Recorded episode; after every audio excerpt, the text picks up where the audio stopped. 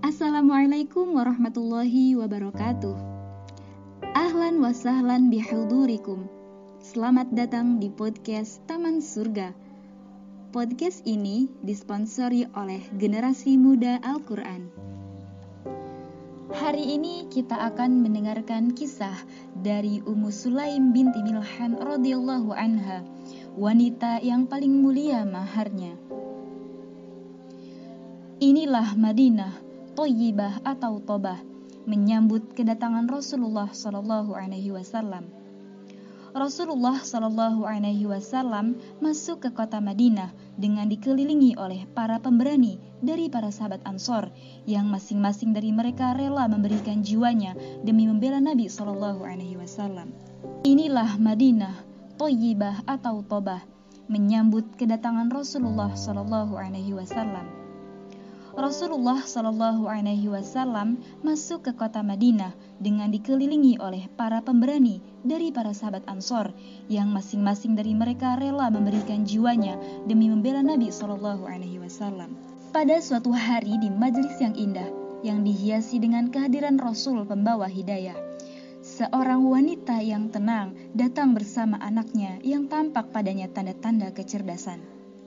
Wanita itu berkata, Wahai Rasulullah, semua laki-laki dan wanita dari kaum Ansor telah memberi engkau sebuah pemberian. Dan aku tak dapat memberi engkau apa-apa selain anakku ini. Terimalah dia dan jadikanlah dia sebagai pembantu engkau. Dia adalah wanita yang memiliki berbagai sikap yang tiada bandingnya.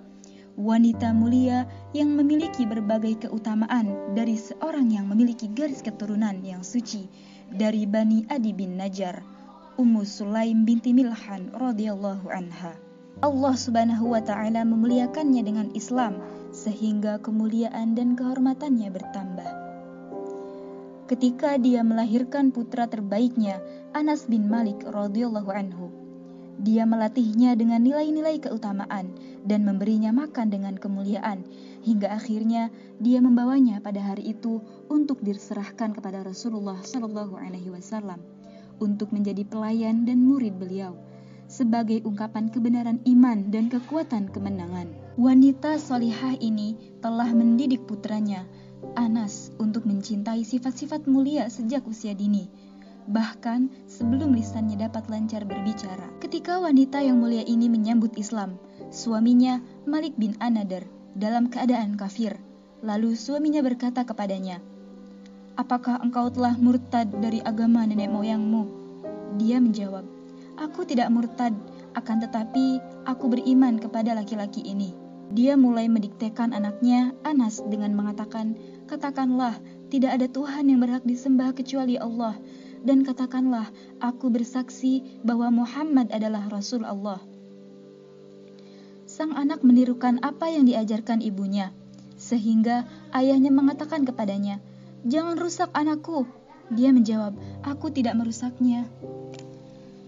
Setelah suaminya, Malik bin Anadar terbunuh, dia berkata, Aku tidak akan menyapi Anas sampai dia melepaskan puting susu karena malu, dan aku tidak akan menikah sampai Anas menyuruhku. Maka setelah dewasa, Anas radhiyallahu anhu mengatakan, Semoga Allah membalas ibuku dengan kebaikan Sungguh, dia telah merawatku dengan baik. Sang ibu yang sangat pengasih ini memenuhi janjinya dan tidak menikah sampai anaknya dewasa dan melepaskan puting susunya. Lalu, tibalah hari yang mulia berkenaan dengan sikap wanita ini, yakni saat Abu Talha al-Ansori radhiyallahu anhu datang hendak meminangnya, sedangkan dia pada saat itu masih musyrik. Abu Talha datang ke rumah untuk meminang wanita yang teguh itu, Ummu Sulaim radhiyallahu anha. Maka wanita tersebut berseru kepadanya dengan seruan wanita yang cerdas dan bijak. Wahai Abu Talha, tidakkah kamu tahu bahwa Tuhanmu yang kamu sembah itu tumbuh dari bumi? Dia menjawab, ya.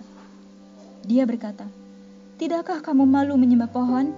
Selanjutnya dia mengatakan lagi, bila kamu memeluk Islam, maka aku tak akan mengharapkan mas kawin lain selain keislamanmu. Abu Tolha berkata, aku akan pikirkan masalah ini.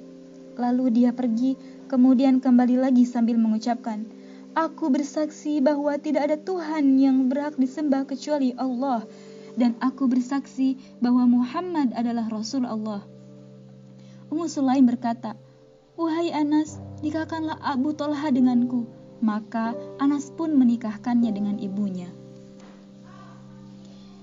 Kini dia kembali menampilkan kepada kita satu sikap yang sangat indah, yaitu ketika anaknya dari hasil perkawinannya dengan Abu Talha menderita sakit, lalu Abu Talha pergi ke masjid, lalu anak itu meninggal, maka dia pun mempersiapkan segala pengurusan jenazahnya.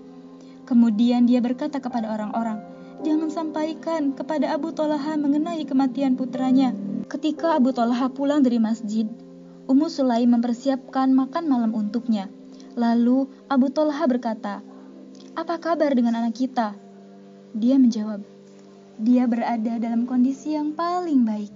Kemudian Ummu Sulaim memberikan makan malam suaminya. Maka dia pun menyantap hidangan itu. Lalu Ummu Sulaim memakai wewangian dan berdandan. Lalu Abu Talha melakukan hubungan suami istri dengannya. Pada penghujung malam, Ummu Sulaim berkata kepadanya, Wahai Abu Talha, bagaimana menurutmu tentang keluarga si Fulan yang telah meminjam sesuatu? Lalu mereka memanfaatkannya dan ketika barang itu diminta oleh pemiliknya, mereka merasa keberatan untuk mengembalikannya. Abu Talha menjawab, mereka tidak berlaku bijak.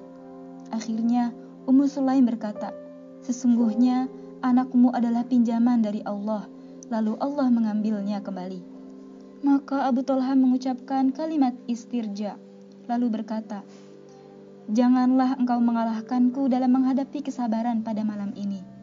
Kemudian dia pergi kepada Rasulullah Shallallahu Alaihi Wasallam, lalu menyampaikan hal itu. Maka Rasulullah Shallallahu Alaihi Wasallam bersabda, Allahumma barik lahuma fi lailatihima.